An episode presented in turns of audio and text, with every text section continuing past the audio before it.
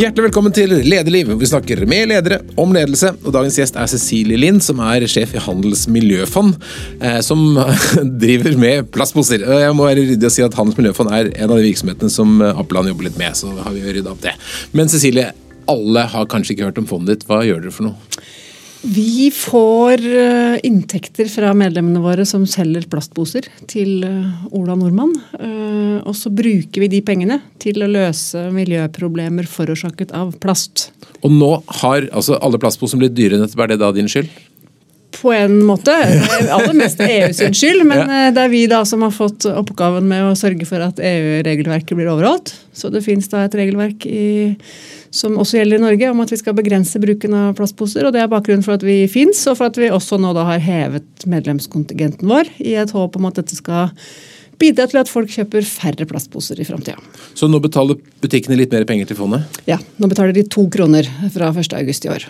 Mot én krone før? En krone før, Og 50 mm. øre før det igjen. Ja, ja. Så det blir dyrere og dyrere. Dyrere og dyrere. Norges mest populære øh, vare, tror jeg noen skrev at det var. Ja, jeg tror det er den mest solgte dagligvaren. ja. Men det, kanskje det er vel det du skal ha slutt på, da? Ja, prøve å få gjort noe med det, da. Så det blir minst solgte dagligvaren, ja. kanskje. Mm. Men uh, du sier at uh, det er et krav, så hvor mange poser bruker nordmenn i dag? Hvor mange skal vi bruke? I fjor brukte vi sånn ca. 130 per innbygger, og så skal vi ned i 40. Så det er en betydelig reduksjon. Ja, Det er veldig mye. Innen 2025. Ja. Eller i 2025. Ja. Mm. Så skal vi ned. Ja. Og er 130 per person er det mye i forhold til andre land? Ja, det er veldig høyt. Så det er veldig få andre land hvor plastposen er så etablert som den er i Norge. Ja. Så mange andre land har um, Noen har forbud, noen har statlige avgifter, noen har uh, maks uh, eller minimumspris uh, pluss statlige avgifter. Noen bruker bioposer. Så her er det mange, mange forskjellige modeller, da. Men ingen som bruker så mye plastposer som nordmenn. Og det er jo fordi vi bruker til søppelpose? Ja, det er nok en av grunnene til at vi har tenkt at dette er en ganske sånn effektiv og god miljøvennlig løsning. Så hva vil du at vi skal gjøre? Jeg vil at eh, folk skal gå over til å bruke handlenett, eh, gjerne i polyester og nylon. Eh, og så bruke tynne avfallsposer på rull til søpla si. Og da vil det i sum gi oss en besparelse? Ja. Fordi disse handlenettene i polyester kan jo brukes mange ganger. Og avfallspose er mye tynnere. Sånn at det blir mindre plast totalt sett som blir brukt med en sånn løsning. Hvor mange si, tonn eller kilo blir det mindre for hvis alle gjør det? Ja, hvis vi lander på 40 poser per år, så vi, har vi spart 5000 tonn sammenlignet med det vi gjør i dag. Da. Og det er en betydelig tonnasje hvis du ser på vårt totale bruk av plastemballasje. Og i tillegg så er det jo kanskje den emballasjen som det er lettest å gi opp, da. Hvis du skal velge mellom om du vil droppe plastposen eller favorittyoghurten, mm. så er det kanskje bedre å droppe plastposen. Ja. Men eh, vi har jo hørt eh, hvert fall, det var For noen år tilbake så var det TV-program om at du måtte bruke handlenett en hel veldig veldig mange ganger. Hundrevis av ganger for at det skulle bli miljøvennlig. Ja. Ja. ja. så det har vi regna på på nytt. Eh, det er jo sånn eh, i miljøverdenen som i alle andre verdener at det kommer nye, nye data og mer kunnskap hele tiden. Så vi har fått et norsk forskningsmiljø som heter NORSUS til å regne på dette en gang til. Og legge inn liksom hva hva er det normale i Norge i dag? Eh, og da er det eh, Bæreposen er lagd av resirkulert plast, og vi bruker den som søppelpose. Så har vi sammenligna det med alternativene. Og da viser oppdaterte regnestykker at handlenett i polyester og nylon trenger du bruke sånn sju-åtte ganger uh, før det slår en resirkulert plastpose som brukes som søppelpose.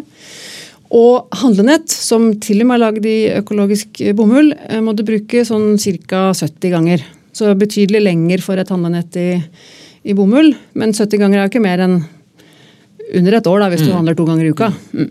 Men det beste er altså da hvis du har et handlet i nylon eller polyester og bruker det i årevis? da? Ja. Og det, er, det, tåler de jo. Ja, fordi Det er ikke noen grunn til at de skal bli slitt ut?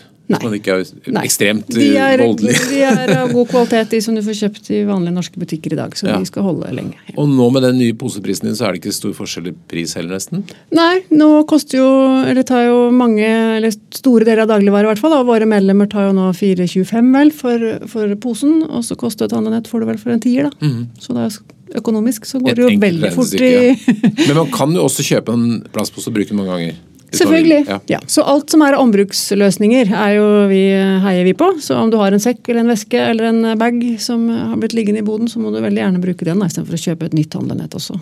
Og Det ligger jo da i navnet at det er handel som står bak her. Hvordan, hvordan oppsto dette fondet? Det oppsto i en dialog mellom, eh, mellom NHO, Virke og de store aktørene i handelen og myndighetene når det kom et plastposedirektiv fra EU. Eh, så hadde man en, en, god dialog om hvordan vi best kunne løse dette i Norge, og ble enige om at det beste er at handelen tar ansvar for å få ned plastposeforbruket, mot at de allokerer midler til å løse plastproblemer. Og Er det da sånn at alle butikker må være med på dette? Ikke noe krav fra myndighetenes side. så er vi er en frivillig medlemsorganisasjon. Men tyngdepunktet i handelen er jo med. Mm. Mm. Så, det, hvorfor vil folk være med på dette? ja, Det er jo øh, fordi at øh, alternativet er en statlig avgift. Øh, og det det mm, medfører jo da at man ikke får denne allokeringen til å løse plastproblemer som Handels miljøfond medvirker til. Da. Så Det er vel hovedbegrunnelsen for de fleste. Men nå fra 1. august så får du altså to kroner per plastpose som i Norge inn til deg, og så fikk du én krone før det. Hvor mye penger blir det da i løpet av året inn til fondet? Ja, nå har vi fått inn sånn drøyt 300 millioner hittil i år. Eh, og så ser vi nå at det har falt betydelig da, i de ukene eh, som har gått siden 1.8. Så vi er spent. Vi vet rett og slett ikke hvor mye penger vi kommer til å få inn resten av eh, året. Men det blir i sum mange hundre millioner uansett? Selvfølgelig, ja. Mm. Så vi, vi, hadde budsjettert med over 800, så vi justerte ned én gang. Og jeg tror nok vi skal justere det kanskje en og to ganger til. Vi får se utover høsten. Så du er blant de få direktørene i Norge som liksom blir mer og mer glad jo lavere resultatet blir? Ja, for ros av styret når inntektene faller. Fantastisk. det er litt gøy. Men, men hva gjør du med alle de pengene? Ja, De bruker vi jo da eh, på plastproblemer, rett og slett. Så vi støtter eh, prosjekter som andre har lyst til å dra i gang på, innenfor plastområdet. Eh, så de kan søke oss om støtte. Og så gjør vi en god og grundig evaluering av de søknadene vi får inn. Og plukker ut de beste prosjektene og gir penger til det. Og så kjøper vi eller bestiller vi oppdrag og tjenester som vi tenker at mangler. Så F.eks. kunnskapsrapporter om Plastbruk i ulike verdikjeder f.eks. Eh, vi har også et svært program som heter Rydd Norge, hvor vi betaler profesjonelle aktører for å rydde plast langs kysten vår. Har brukt over 300 millioner kroner på det. Eh, og skal fortsette å bruke over 100 millioner kroner i året de neste åra eh, på det. Så det er et bredt spekter da, av alt fra frivillig rydding til store næringslivsaktører som vil gjøre noe med resirkulert plast. Til emballasje, havbruk, tekstil, kjøretøy. You name it. Det var noe som hørtes ganske gøy ut. Spøkelsestegner. Ja, spøkelsestegner. ja, ikke sant? Det er jo da når det er, eh, det er tegner som folk har mista når de er ute og fisker hummer og krabbe og hva de nå bruker tegnene til. Og de er jo rimelige, og de er lagd av plast, og veldig mange av de blir mista. Og blir liggende på havets bunn, og så svømmer det da fisk og ål og hummer og krabbe og alt blir jo da fanga inn i disse teinene. Um, så de har vi vært med å rydde opp. Så vi har starta med opprydding i nasjonal, de marine nasjonalparkene. Eh, og fortsetter med det. Eh, utvide prosjektet nå, da. Mm. Så vi har gjort det nå et par år og kommer til å fortsette. Men, men det, er, det, er, jo ikke da noe direkte sammenheng mellom plastposene og dette andre? For det, det er jo ikke, altså, det er ikke plastposer som ligger langs kysten? Nei, så koblingen er plast. Mm. Mm. Så alle pengene vi får inn på plastposen skal brukes til plastmiljøutfordringer. Mm. Hvor mye plast har du redusert eller ryddet? Eller er det noen ja, vi har rydda over 8000 tonn plast fra naturen. Vi har rydda over 1500 mil kystlinje. Eh, vi har fjerna eh, tror jeg snart 2000 båtvrak langs kysten. Vi har fjerna kanskje nærmere fra 2000 sånne spøkelsesteiner da, fra havets bunn. Så det, det, blir mange tonn og kilo som flytter seg bort fra naturen og inn i resirkulering og kretsløp da, er målet. Mm. Kanskje hvis du forteller nok om det, så kanskje folk ikke har lyst til å redusere plastposebruk. Man tenker at det, det, jeg betaler fire kroner og 25 øre, for det er hyggelig at det går til en bra sak. Ja, vi, har noe, vi har, i hvert fall ikke noe ønske om å forby plastposer eller eliminere plastposen helt, men vi kan med fordel bruke litt uh, færre. Og så er vi så heldige at vi har denne løsningen med norske myndigheter, hvor vi da faktisk får inn at de midlene vi får inn, kan vi bruke til plastproblemer. Da. Er dette en idé som dere har fått fra andre land? Eh, nei, egentlig ikke. Dette er en ganske unik modell både i, i Norden og i, i, verden. Så det finnes noe som ligner, men ingen som allokerer så mye midler som det vi gjør. Mm. Så gøy. Ja, det er kjempegøy. Og det vekker internasjonal interesse. Det kommer alltid folk bort og lurer på oi, hvordan fikk dere til det? Mm. hva sa dere til myndighetene? Hva, det, hva er det som ligger bak? Mm. Og Hvor stor er denne organisasjonen som du leder, som da driver dette? Ja, Vi er 14 ansatte nå, da. Mm. Så vi er ikke så mange. Men du shopper uh, si, søppelryddere og andre ute da, som hjelper å gjennomføre ja, alt mulig? Ja, mm. så det er jo, I og med at vi støtter andres prosjekter, så er det jo der pengene, det er der vi bruker mest penger. sant? Mm. Prosjekter som andre driver. Mm. Og veien din dit, altså leser uh, CV-en din, så er det, det er mye avfall i din, i din CV. Et langt liv i søppel og kloakk, pleier jeg å si. Ja, for det er, det, det er, stort sett det du holdt deg på? Ja. Siden, siden jeg så du, du gikk på natur og miljø på folkehøyskole, og ellers så, etter det så har det handla om natur og miljø på forskjellige måter, som mm. konsulent og som altså, er, Var det en ambisjon i, i ung alder at du ville jobbe med søppel? Nei, egentlig ikke. Um, jeg, min opplevelse er at det ikke har vært et sånt veldig bevisst uh, veivalg. Men det er klart at når jeg ser det liksom i retrospekt og ser på hva faren min har jobba med, f.eks., så kan det vel hende at jeg hva gjorde han? Han jobba også mye med avfall. Mm. For fylkesmannen, eller statsforvalteren som det heter nå, da, med, med den type problemstillinger. Så vi har, nok, vi har, nok, gått litt i hans fotspor uten at jeg har tenkt at det var det jeg skulle gjøre. Så jeg, jeg opplever det som litt tilfeldig. Men du er utdannet i noe som heter environmental engineering, er det det? Ja. Mm. Miljøteknikk, da. Mm. Ja. ja. Så, det er, så, det har hele tiden vært en sånn grønn eh, retning i hele karrieren din? Ja, det har det. Det, når var det du skjønte at eh, liksom, du skulle gå den veien? Nei, som sagt så er det nok kanskje litt mer tilfeldig enn det det ser ut som på papiret. altså. Så Det var et studie som jeg syntes var interessant, og så søkte jeg på det. og Så kom jeg inn, så tenkte jeg det var fint å studere i Grimstad. og Så mm. prøvde jeg det, da, og så fikk jeg min første jobb, og så var det var jo relevant. ikke sant? Og så, ja. så egentlig bare tatt de mulighetene og gått den veien som har bytt seg på en måte litt underveis. da. Mm. Mm. Og Du har jobbet både som konsulent og, og i Avfall Norge og noe som heter ØM Fjell, som jeg ikke vet hva er. hva er. ja, det er byggebransjen. Ja, ja, det er entreprenør. Mm. Ja, Da skulle jeg gjøre noe annet enn søppel og kloakk. Ja, og ja. Rancels har du vært litt av hvert. Ja. Og så ser jeg altså, du, På styreøvene det er dekkretur og Hold Norge rent og miljøsanering. Det er veldig sånn eh, en, en, ren, ren skitten karrierevei, for å si det sånn. Ja, det er det.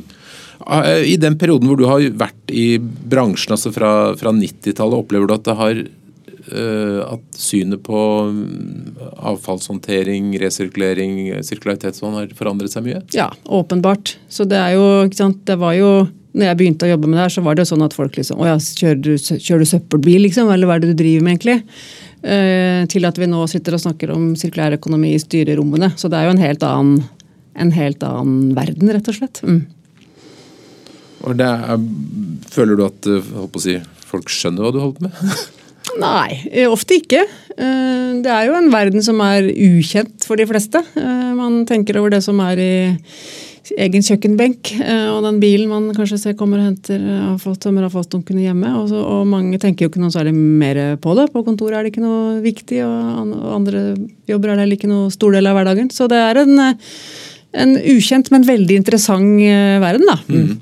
Og nå med, med plastposen så har du kommet veldig nær på, på folk flest. Yes. Og Jeg har kikket litt på kommentarfelter i forbindelse med denne prisøkningen. og Det, det sprer seg jo ganske godt. Fra, fra sånn hipp hurra, jeg har aldri brukt plastpose, handlet er fint, mm. til at dette er symbolpolitikk. Og det har ikke noe å si hva vi i Norge gjør. Og vi er bitte lite land, og dette er bare tull og tøys. Hva mm. tenker mm. du? Har det noe å si? Ja, så Som sagt så er det faktisk 5000 tonn plast. da. Og, og, vi ser jo at det er sant, Vi er alle enige om hvor vi skal på miljøtiltak, uh, og vi setter oss mål. Uh, og så er det veldig vanskelig å gjøre den konkrete gjennomføringen. Dette er et veldig enkelt, på mange måter praktisk grep som faktisk reduserer antall tonn i den virkelige verden. Og vi bruker pengene til å faktisk rydde tonn i den virkelige verden. det er ikke miljøvern by powerpoint. Mm. Så jeg tenker jo at det er uh, både nyttig og unikt, da, mm. egentlig. Mm. Og så, så, så, nevnte du at det var EU som hadde satt noen grenser, og det opplever vi på andre sider på, på gjenvinning og resirkulering. Mm. Når EU-kravene kommer, da begynner det sånn. Er, er det slik at EU er det som nå i størst grad setter fart på Norges miljøinnsats på mange områder? Ja, det vil jeg si at det er. Eh, det er de som pusher oss. Mm, og vi, vi snubler litt eh, bak, da. Med høye ambisjoner og, og, og, kanskje også et ganske sånn grønt og fint selvbilde. Eh, men på gjennomføring så, så ligger vi jo etter. Mm. Så regelverket blir innført senere. Informasjonen til næringslivet kommer senere. Vi, vi halter og løper etter. Mm. Men eh, hvis man også går til kommentarfelt, da, som alltid er interessant, så er det mye sånn dette er Klimaproblemene er for store, det er ikke noe som eh, folk flest kan løse dette med industrien. Det er veldig fint å la industrien ta ansvar, men, men har, altså, er, er det ikke noe i det? At de store utslippene er industrien? Hva vi, hva vi gjør, vanlige folk gjør, betyr kanskje ikke så veldig mye? Jo, men ikke sant. De store utslippene fra industrien, da, hvis du ser på de store utslippene fra avfallsindustrien, skal vi kalle det, det er jo forbrenningsanleggene våre. Og den plasten, den plastposen som du putter søpla di, den går jo rett i forbrenningsanlegget.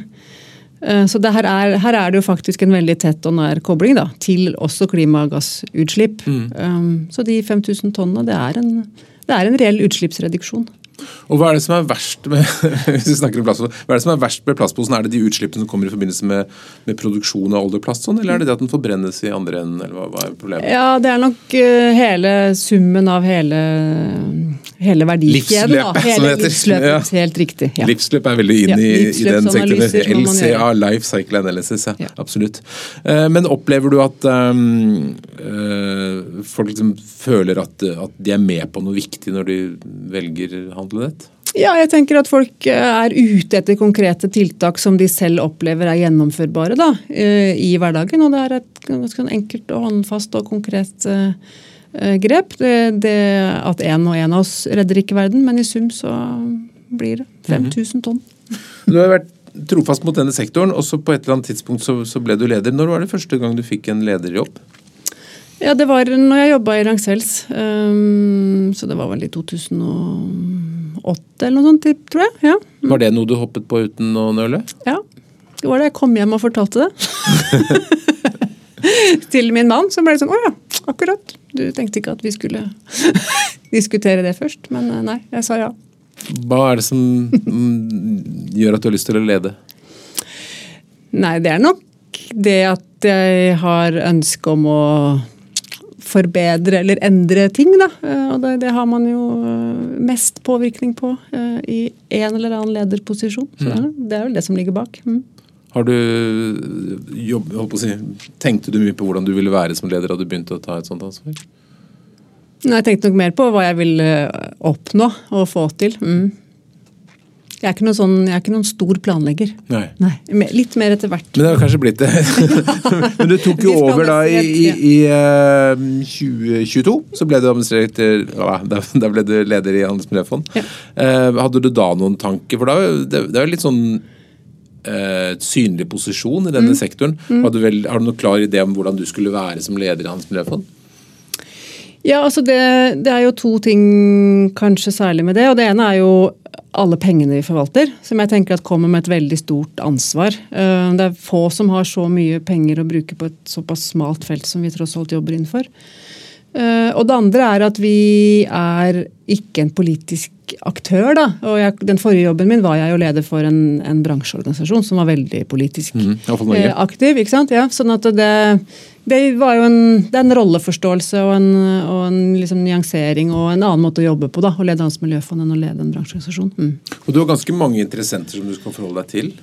Ja, det blir jo det. Vi har jo ikke sant, hele handelen som medlemmer, og så har vi eh, alle forbrukere, og så har vi en masse miljøorganisasjoner som er opptatt av hva vi gjør og, eh, og ikke gjør. eh, Og en masse, an, eller ikke mange ansatte, men veldig engasjerte ansatte som også er veldig opptatt. Så det er mange, mange som har meninger om hva vi gjør og ikke gjør hver dag. Mm. Hvordan vil du være for dine ansatte?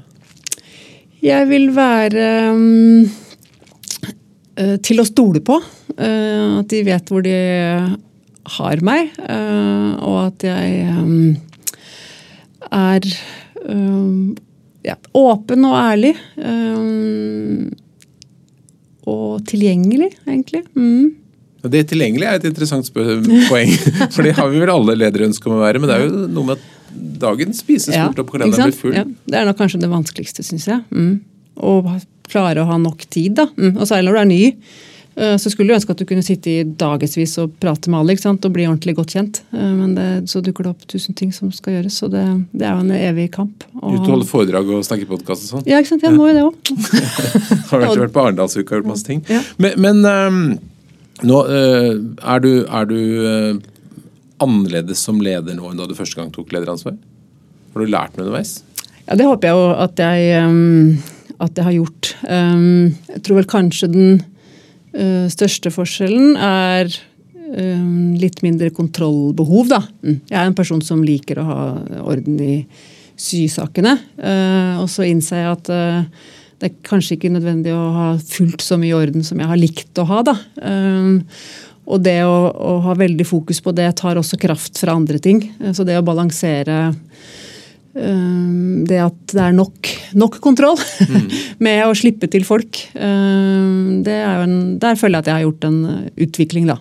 Det tror jeg mange kjenner seg igjen i. Hva er dine erfaringer? Hva er triksene for å lære å slippe litt løs? Nei, jeg tror Det beste trikset var det min kollega Bente i Rangsfeld som lærte meg. Hun sa sånn øh, Kan dette gå veldig galt?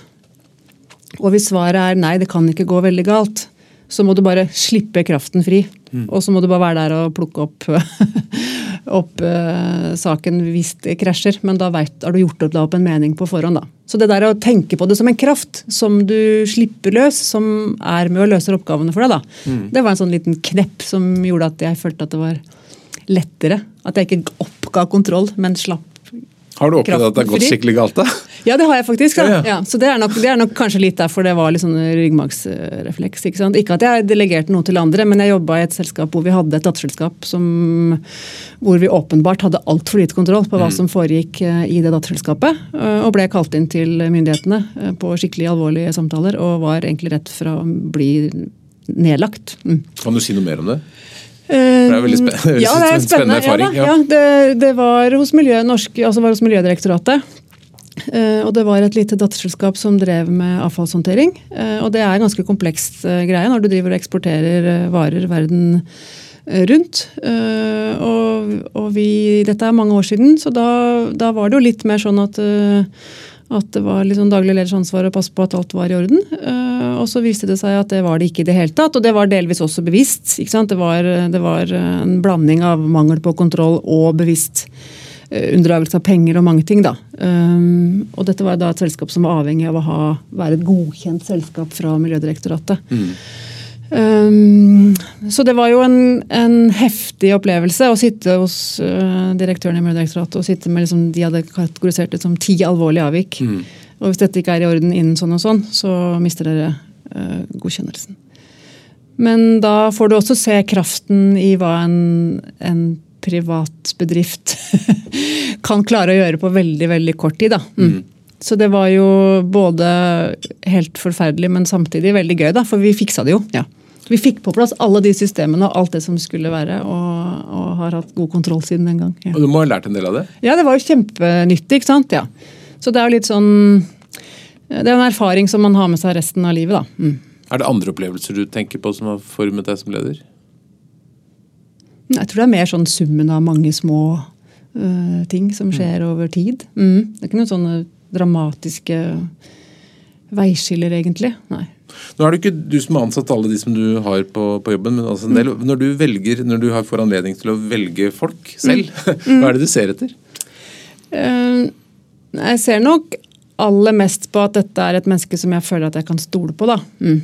Så det liksom å være hel ved er en um, Det vil selvfølgelig alle være å, å, å, ha som ansatte, men det er nok liksom den følelsen av at dette er et menneske jeg kan stole på, uh, uavhengig av hva som står på CV-en. Eh, er viktig. Um, og så det, handler det selvfølgelig om å bygge gode team. Så det vil jo avhenge av hvem, uh, hvem, andre du har ansatt fra før, og hvilken rolle man skal fylle. Så det kan jo være ganske sånn forskjellige vurderinger som legges bak i hvert enkelt tilfelle. Mm. Og det er en sektor hvor det er en del sånne veldig rasjonelle teknikere og sånn. Og så mm. kommer det en del sånn veldig emosjonelle kanskje miljøfantaster eller, eller, entusiaster, får vi si. Ja. Er det en utfordring i bransjen? At det er litt sånn blandings på, hvordan, på personligheter? Ja, ja, det vil jeg si at det er. Så det kan jo skape både ja, det kan jo skape uh, både misforståelser og gnisninger, men også være liksom en også noe som bringer verden framover. Fordi begge perspektivene er jo på en måte riktige, og så passer de ikke så godt sammen. Og så er det jo veldig spennende å se om det går an å lirke det til. da, Så en mm. firkant og en runding eh, får til noe sammen. Blir noen slags mellomform, ja. Men hva, hva, gjør du for å motivere folk å dra dem i samme retning?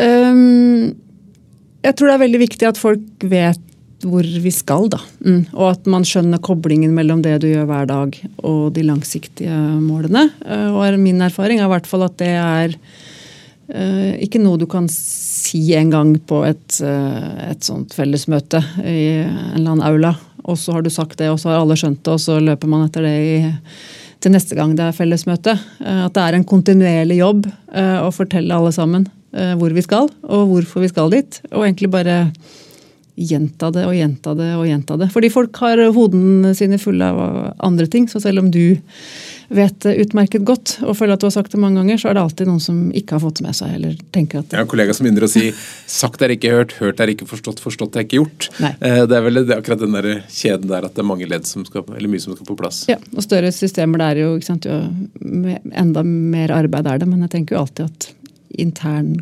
kommunikasjon og informasjon, det er alltid viktig. Mm. Men hvordan gjør du det, da? Er det sånn visjon og verdier og skrive på veggen og sånn? eller Hvordan, hvordan jobber du med å implementere ting?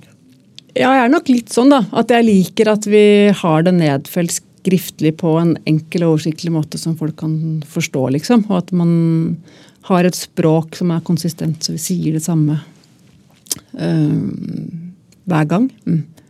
Men, uh, så handler, men så er det også en?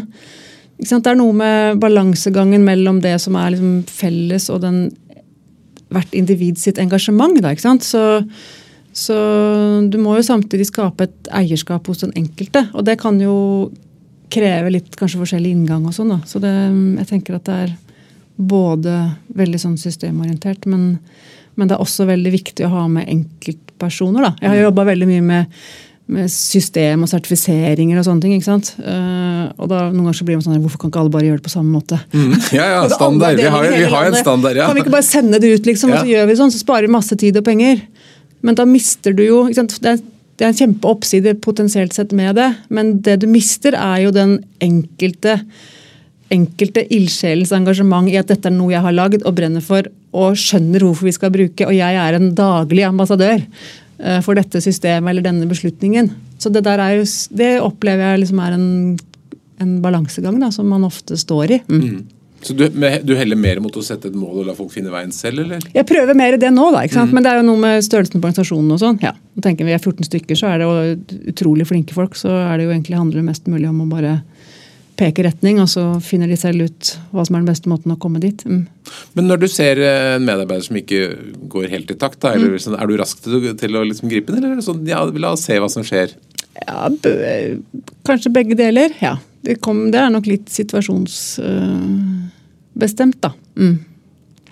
Jeg har ikke noe sånn én måte som jeg bruker uh, Er det, er, egentlig. hva, hva, hva syns du er eh, liksom, utfordringen med å lede folk? Er det noe du grubler på som du syns er sånn, tilbakevendende temaer? Ja, altså Det med informasjon og kommunikasjon er, synes jeg er et Var det ikke en, en eller annen leder i Hydro noe som sa at så lenge du er ansatte, så har du problemer med informasjon og ventilasjon? så det er liksom en, en et tilbakevendende tema. Um, Det er som du sier, det er endeløst. Altså man, man, alle vil jo alltid si jeg skulle gjerne hatt litt mer informasjon. Ja. ja, ikke sant? Da kunne jeg gjort en, eh, en bedre jobb.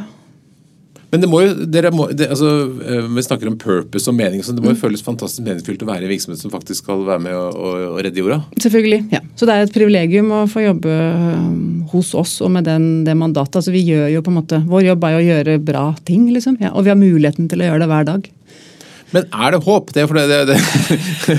jo, nå har vi nettopp Arendalsuka så var det sånn debatt, eller partidebatt hvor eh, man skulle rekke opp hånden, lederne skulle rekke opp hånden hvem som trodde at de skulle nå de klimamålene. og sånn. Ja. Det var jo ikke mange hender i været der. Hva tror du? Kan vi nå klimamålene? Altså, vi, vi når det jo i hvert fall ikke hvis vi gir opp, da. Så det, det, man kan liksom ikke si at det ikke er, eh, er håp. Men jeg tror at det er et veldig behov for å bryte det ned for hver enkelt av oss hva det faktisk er vi skal gjøre i dag. Da. Og at det krever ganske mye mer uh, informasjon rett og slett, og kunnskap og tips og råd og hjelp da, uh, i hverdagen. Um, så syns jeg um, Maja Lunde var på årskonferansen til NHO og snakka om, om det her med uh, kraften i en kjærlighet for naturen da, fremfor en angst for klima. Eh, og at, eh, at, vi, at det kanskje er en mye mer sånn positiv eh, driver. Da. Og det er jo noe av det som vi ser at vi kan også gjøre i, vår jobb. Det at vi faktisk gjør en så stor forskjell for i den naturen, den, det nærmiljøet som hver enkelt av oss forholder oss til. Det er mye mer håndfast og angripelig og håndgripelig for folk enn enn klimaendringer, selv om det kanskje for mange også begynner å bli ganske håndfast og mm. daglig nært. Da. Mm. Men nå, når du kommer fra en um, sektor hvor man har brukt enormt mange hundre millioner på kommunikasjonskampanjer for å få mm. folk til å gjøre riktig, og så vet vi fortsatt at folk er kjempedårlige til å sortere matavfall og plast, og vi ligger langt, langt unna målene. Er det Si, går det an å overbevise folk om, om, å gjøre ting, eller må man til med sånne ting som, som da miljøfondet gjøre ting dyrere og vanskeligere og, og, og, og pushe på med andre ting enn en motivasjonskampanjer? Ja, jeg, tror ikke, jeg, tror nok ikke motivasjonskampanjer alene er nok. Da. Da må det i hvert fall være veldig, det må være veldig sånne konkrete, operative øh, tips og råd til mm. du, hva du faktisk skal gjøre. Ikke at du bør gjøre dette. Uh, men um, jeg er jo litt der at jeg tenker at vi bare må gjøre alt, jeg. Ja. så det er liksom ingen tiltak er på en måte for små eller, eller uh, for store. Det må trykkes på utrolig mange knapper. Og så tenker jeg at det er en bevegelse uh, i befolkningen, da. Uh, og så kan man jo er det også undersøkelser som tyder på at ungdommene kanskje ikke er så miljøbevisst som vi har tenkt at de er. da, Og at de vet mindre enn det vi har tenkt. Og, ikke sant? Det er jo jeg har også en opplevelse at veldig mye går i bølger. da. Mm. Sånn at det som kanskje var veldig opp alle visste for ti år siden, det er ikke gitt at alle vet det lenger. Nå har ungdommen begynt å røyke igjen, har jeg hørt. Så mm. alle, sånne, alle sånne pendler snur, da. Um, så det er jo en kontinuerlig arbeidsoppgave, rett og slett. For veldig mange, da. Mm. Men burde man brukt økonomiske initiativer, altså avgifter og sånn mer, for å få folk til å oppføre seg riktig? Avgifter er, kan jo være veldig effektivt. Uh, og, og, det også altså Forbud og, og, forskrifter og den type ting har jo også den fordelen at det virker likt for alle. Så sånn I et næringslivsperspektiv uh, så er man jo ofte kanskje heller for at ting som man ikke burde gjøre, faktisk er forbudt. da, Sånn at det blir enklere for de som da har en alternativ løsning til å nå mm. gjennom i et marked, f.eks. Så her er det jo flere verktøy i verktøykassa mm, som kan, eh, kan, brukes. Men det er klart at, at det, at ting, mm, det som vi ikke bør gjøre, er dyrere. Det, det virker, det. Mm.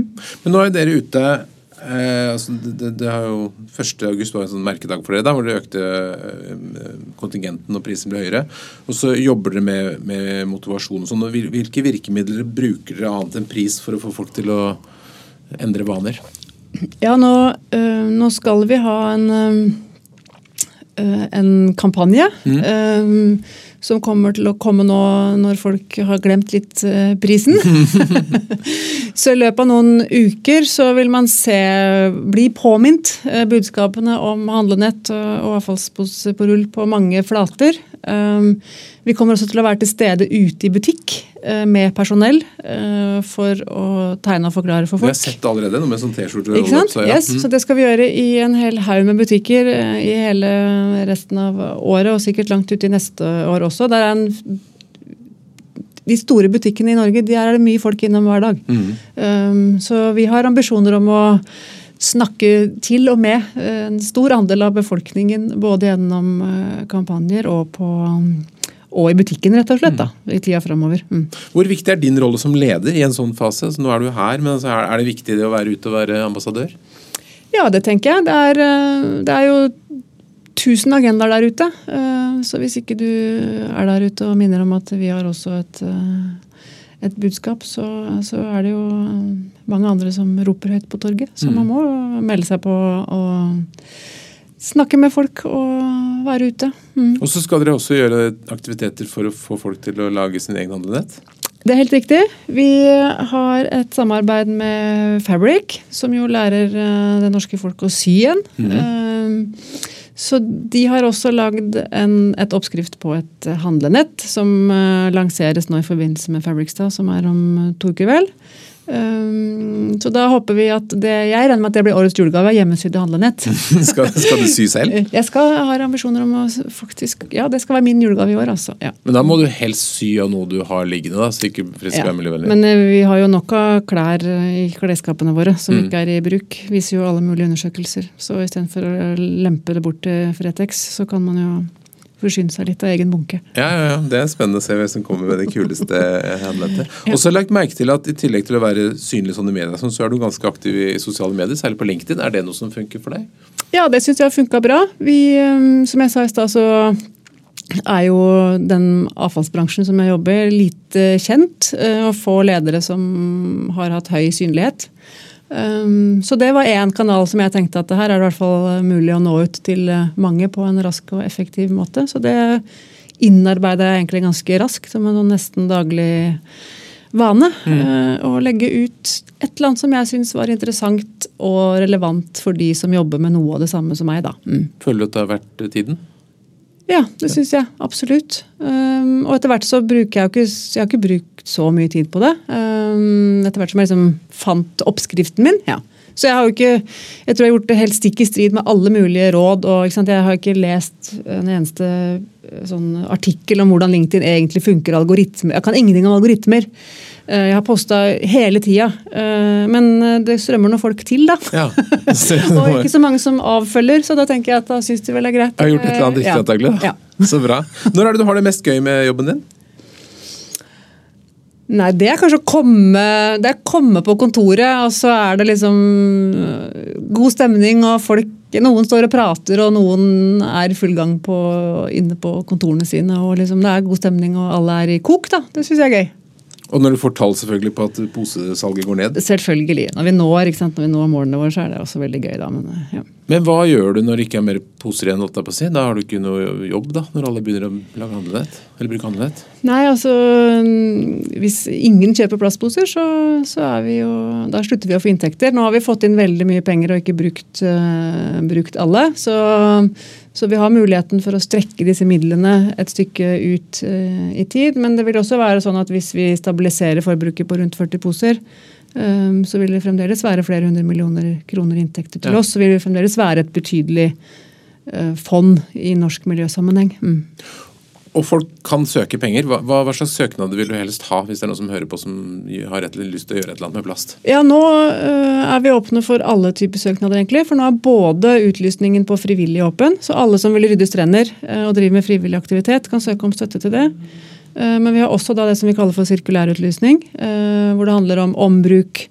Resirkulering, substitusjon av plast med andre materialer. Så, og Der er det jo fra alt fra bitte små gründerbedrifter til svære Eh, konsern og innafor alle typer verdikjeder som har plass, da, eh, kan søke oss. Så nå ligger det 26 millioner i frivilligpotten og 50 millioner i sirkulærpotten. Eh, bare gå inn på hjemmesiden vår og se, så er det masse muligheter. Ja. Du, du fortalte en del om rydding. Hva er det, hva er det si, morsomste eller rareste du har gitt penger til så langt?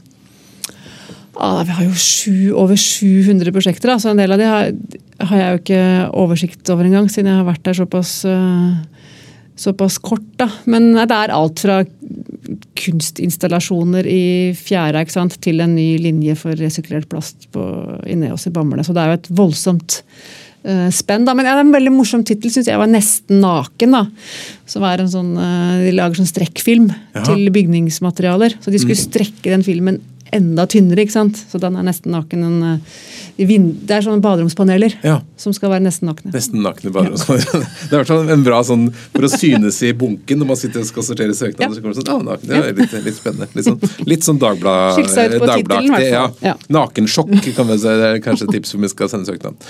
Eh, til slutt, Cecilie, hvis det kommer en ung person til deg, eh, kanskje et barn, og vil bli leder, hva er de tre viktigste lederrådene du vil gi? Mm, si ja. Ta de mulighetene som du blir uh, tilbudt. Uh, vær ærlig. Uh, og samtidig gjør en god jobb der hvor du er. Mm. Og bruk handlenett. Og bruk handlenett. Uansett hva du ellers måtte finne på. Veldig bra. Cecilie, takk for at du kom til Lederliv. Takk for meg.